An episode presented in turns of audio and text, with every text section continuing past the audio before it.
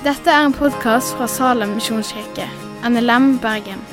For mer informasjon om Salem, gå inn på salem.no.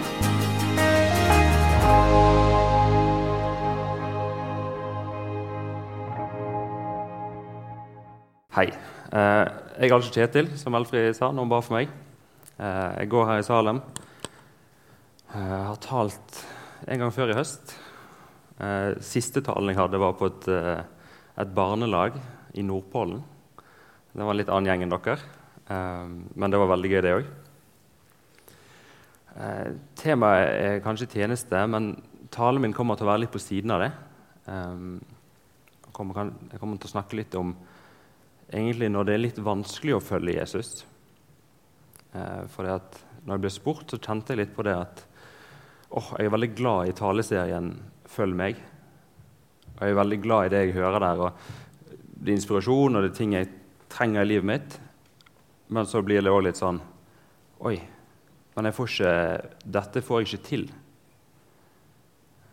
Og hvordan skal jeg tale om det når det er så mange av de tingene jeg ikke helt fikser? Sånn som stilletid eller bønn jevnlig eller skriftemål eller Og så tenkte jeg Hva kan jeg kanskje si noe om?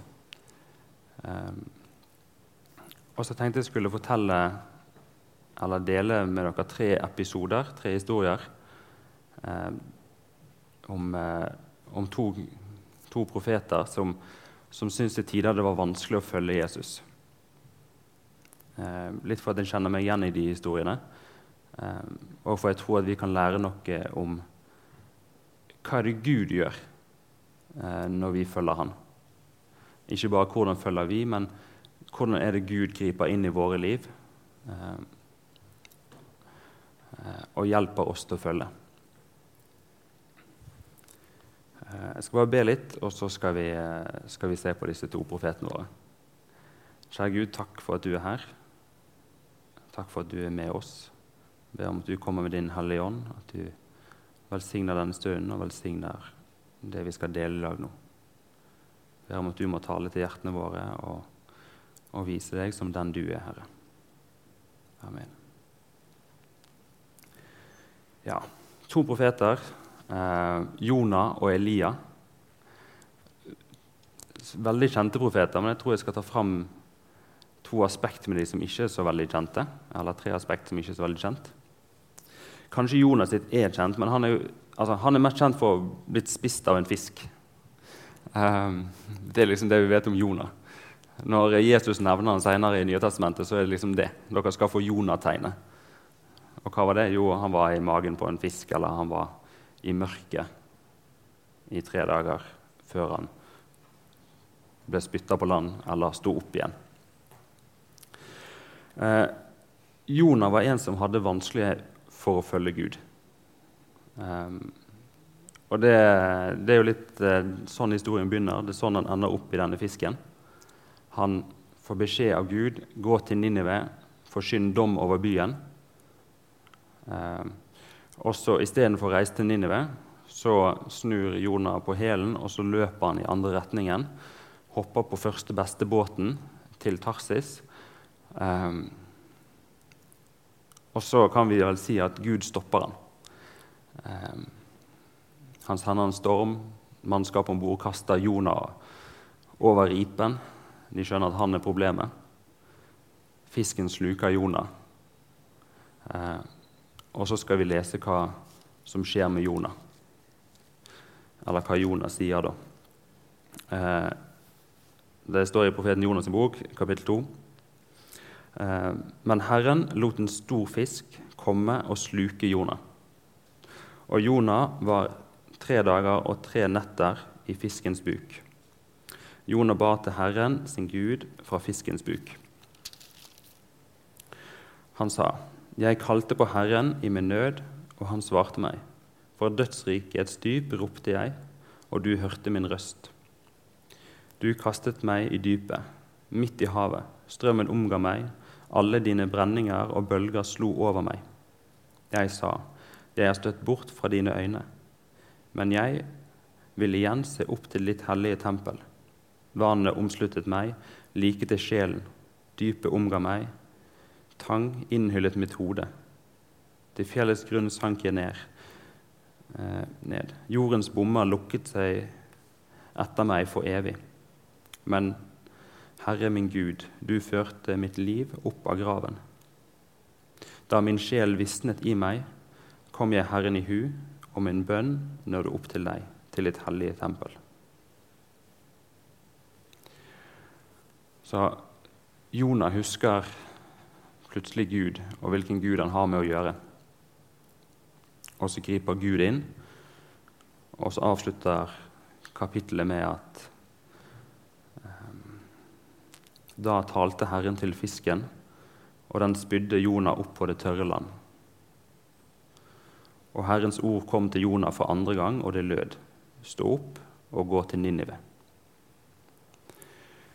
Så her har vi en som har problemer med å følge Gud. Eh, og ikke bare Kanskje ikke bare litt. altså Han går i helt motsatt retning. Totalt motsatt retning av det Gud vil.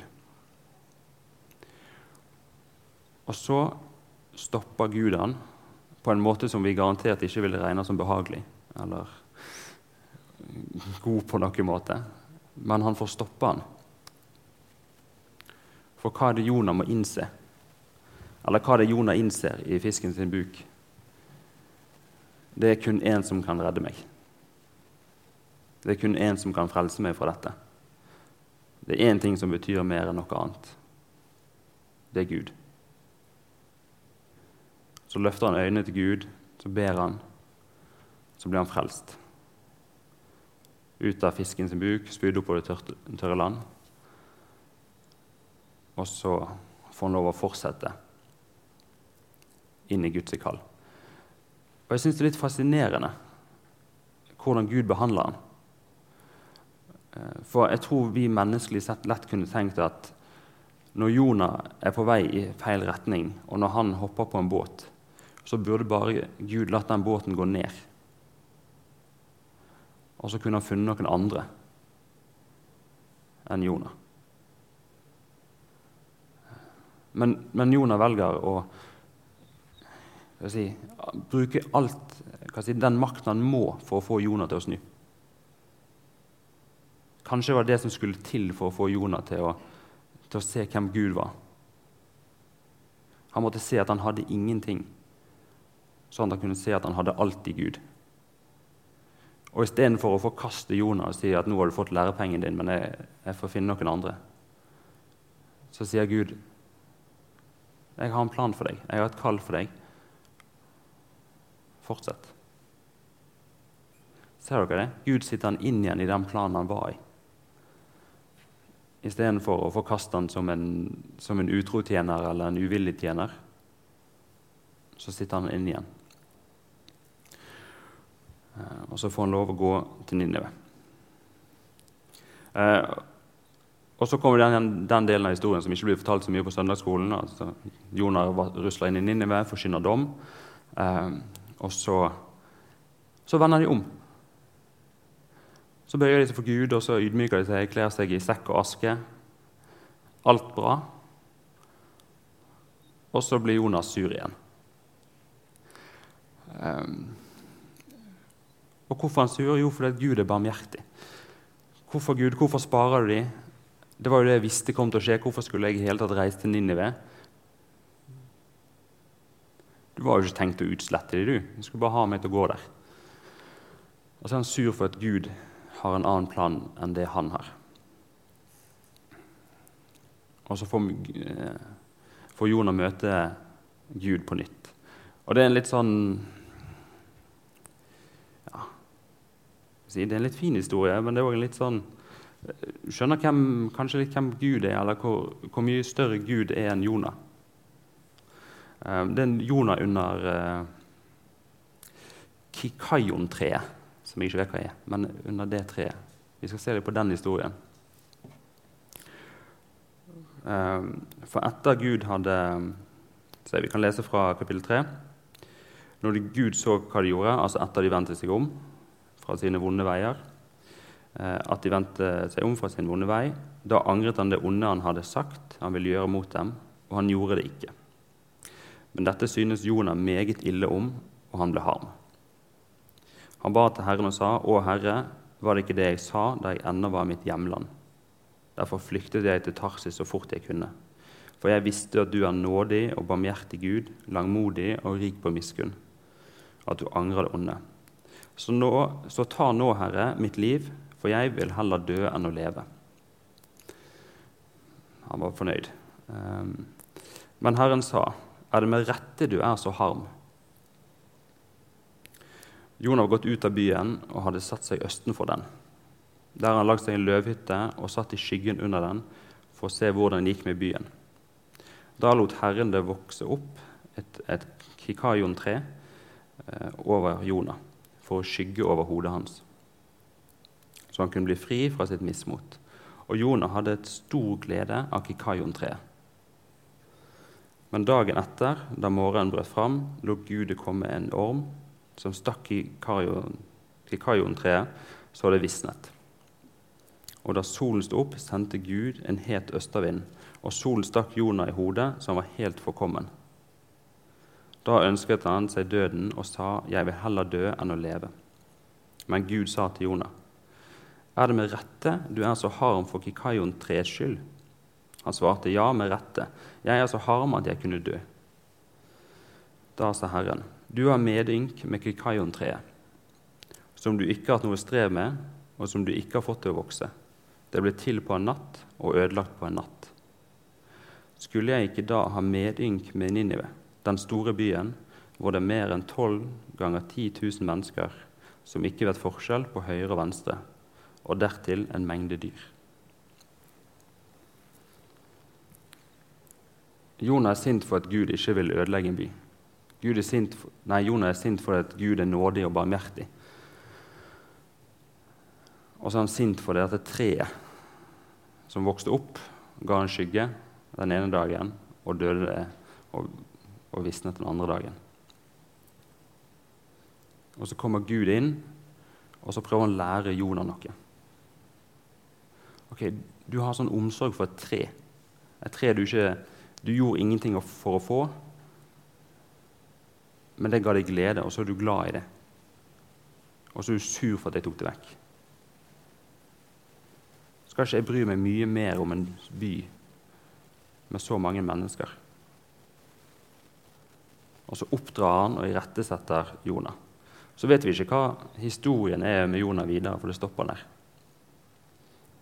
Men tenk at det vi skal tenke på, er Kommer det ganger der vi tenker at vi vet bedre enn Gud? Der vi har en plan? Gud, jeg tror du må ordne det på denne måten her. Det er best om vi gjør det sånn som dette. Eller de gangene vi kanskje tenker nei, den personen der kommer aldri til å bli frelst. Trenger ikke bruke tid på han. Så må kanskje Gud stoppe oss, og så må han vise oss hvem han er, og hva tanker han har for oss. Og hva tankene han har for de menneskene som er rundt oss. Og Det er en sånn oppdragelse som Altså, det, er ikke, det er ikke behagelig, den heller. Eh, en kan bli ydmyket av Gud. Og det er ikke godt å bli ydmyket, men det er godt å være ydmyk, står det i Bibelen. Så noen ganger så må Gud sitte oss på plass, sånn at vi kan få skjønne hva Han gjør.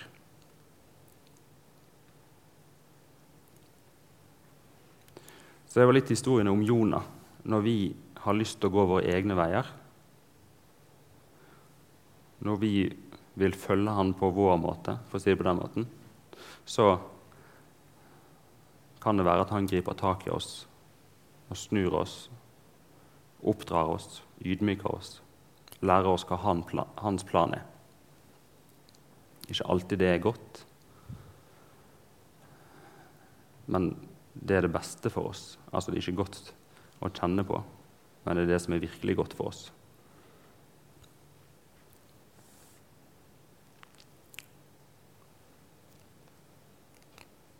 Så han stopper oss, han oppdrar oss. Eh, så skal vi se litt på hoppe til Elia, som havner i en helt annet problem av dette her å følge eh, å følge Gud. Elia har sin kanskje liksom, høydepunkt på Karmelfjellet når han møter de eh, 450 Balsprofetene. Det er en kamp mellom Gud sin ene profet Elia og de 450 Balsprofetene. Gud viser sin storhet ved at alteret og offerkjøttet brenner opp. Og Balsprofetene får ingen svar fra Bal. Um, det er en sånn skikkelig sånn maktdemonstrasjon fra, fra, Gud, hvem han er, eh, og at han er den eneste sanne Gud. Og for, Så får Elia på en måte være med på det. Han får være eh, den som representerer Gud i det stedet. Skikkelig sånn topp. Og så er det veldig sjelden at vi følger Elia fra den toppen og ned i dalen, hva som skjer etterpå. Um, skal lese historien fra, fra første kongebok og kapittel 19. Da er det ja, Da har han drept 450 Balsprofeter, han har vunnet over dem. Eh, og så står det i kapittel 19. Akab fortalte Jesabel om alt det Elia hadde gjort, og hvordan han hadde drept alle profetene med sverd. Da sendte Jesabel, dronningen på den tiden, en budbærer til Elia med disse ord. Gudene la det gå meg ille, både nå og siden, om jeg ikke i morgen på denne tiden gjør med livet ditt som det har gjort med deres liv. Da ble Elia redd. Han gjorde seg i stand og dro av sted for å berge livet. Og han kom til Bersheba, som hørte til Juda. Da lot han tjenestegutten sin bli tilbake. Selv gikk han en dagsreise ut i ørkenen. Der satte han seg under en gyvelbusk og han ønsket seg døden og sa, Det er nok, ta nå mitt liv, Herre, for jeg er ikke bedre enn forfedrene mine. Og han la seg ned og sovnet under gyvelbusken. Da rørte en engel ved ham og sa, Stå opp og et. Da han så opp, fikk han se at ved hodet hans var det en kake stekt på hete steiner, og at det sto en krukke med vann. Og han åt og drakk og la seg ned igjen. Men en Herrens engel kom igjen andre gangen og rørte ved han og sa, Stå opp og et, ellers blir veien for lang for deg. Da sto han opp, åt og drakk, og styrket ved denne maten gikk han 40 dager og 40 netter da han kom til Guds berg, Horeb. Så på samme måte som Jonas, så, så er Elia på, på bristepunktet. Ikke fordi han ikke forstår hva Gud vil, men fordi han ikke skjønner hvordan han skal klare å være med på det lenger. I dag så bruker vi gjerne ord som 'gått på en smell', 'møtt veggen', 'utbrent'. Eh, om akkurat det samme. Og Noen ganger så er det ja, Kanskje ikke ofte det er sånn at vi har en dronning på hælene som vil drepe oss, men eh, for noen så er det så dramatisk at hele livet stopper opp. Eh, og det er vanskelig å skjønne hvordan det skal være en vei videre. Eh, andre ganger så er det, er det kanskje bare den søndagskvelden før jobb mandag der man ikke skjønner hvordan skal jeg få den uken til å gå opp. Eller hvordan skal jeg gå inn i denne tjenesten en, en gang til? Eh, hvordan skal jeg orke det? Eh, og så blir man gjerne slått av mismot, og så er det bare mørkt. Sånn som Elia har det. Så han går så langt at han vil heller dø. Så kan vi liksom lure, Han var jo på toppen. Han har jo nettopp sett Guds storhet. Han har fått vært med på noe enormt. Og Så er det kanskje da det, sånne ting slår oss. da. Når vi opplever noe stort, når vi får vært med på noe fantastisk. Og så kommer på en måte hverdagen og det vanlige, eller Og så treffer det oss.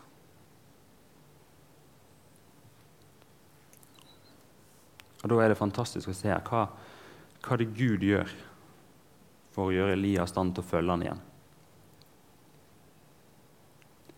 For Gud er ikke bare der og sier at ja, men, ja, men du vet at jeg er sterk. Bare stå opp, bare gå. Du skal få kraft. Bare ta deg sammen. gå på. Gud ser Elia for det han trenger der og da, som et menneske. Han ser han er utslitt og trenger mat, drikke og hvile. Han gir han det han trenger som menneske. Og heller ikke her så er det, sånn, det er ikke en sånn forkastelse fra Guds side at ja, men du er oppbrukt, du er ferdig. Gud stopper opp, og så ser han. Elia, du trenger, du trenger å sove. Du trenger å spise. Du trenger å drikke. Hvis ikke så blir veien for lang. Her er det snakk om 40 dager vandring i ørkenen eh, til Horusfjellet. Men det handler kanskje òg om tjenesten til Elia. For han var ikke ferdig. Um, når, han møter på, nei, når han møter Gud på, på Horeb, så får han vite at han skal salve to konger. Han skal salve en ny profet. Um, og han har et stykke igjen på, i sitt kall. Så Gud ser at ok, skal jeg ha Elia med meg, så må jeg sørge for han. Jeg må gi han hvile.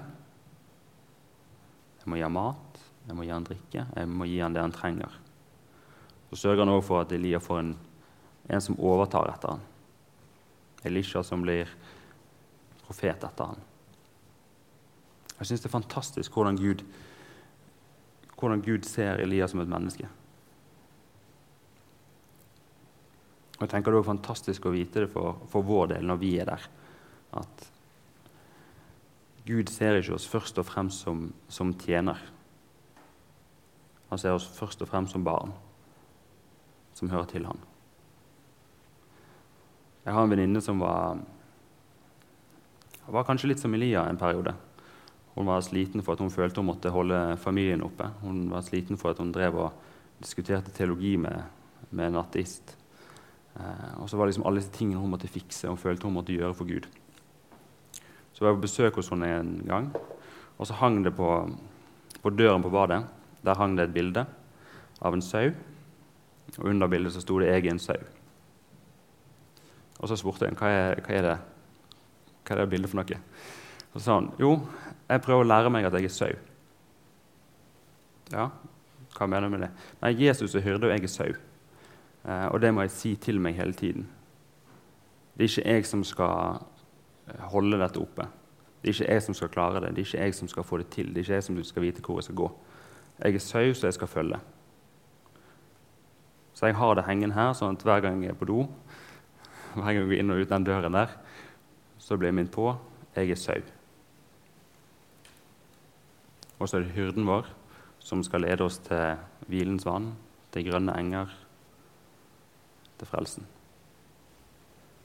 Det er han som skal stå for det, og ikke oss.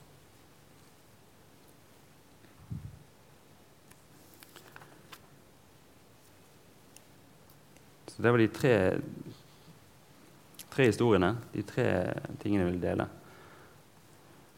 Jeg valgte litt fordi her er Gud så konkret inne og gjør noe.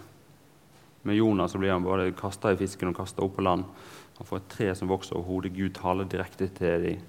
Elia har en engel som lager mat til ham. Veldig tydelig. Men i de tydelige historiene så, så, får vi kanskje sett noe av hvem Gud er, sånn at vi kan skjønne hvordan Gud virker inn i livene våre. For han gjør det kanskje på andre måter. Kanskje gjennom andre kristne, gjennom menigheten, gjennom ordet sitt.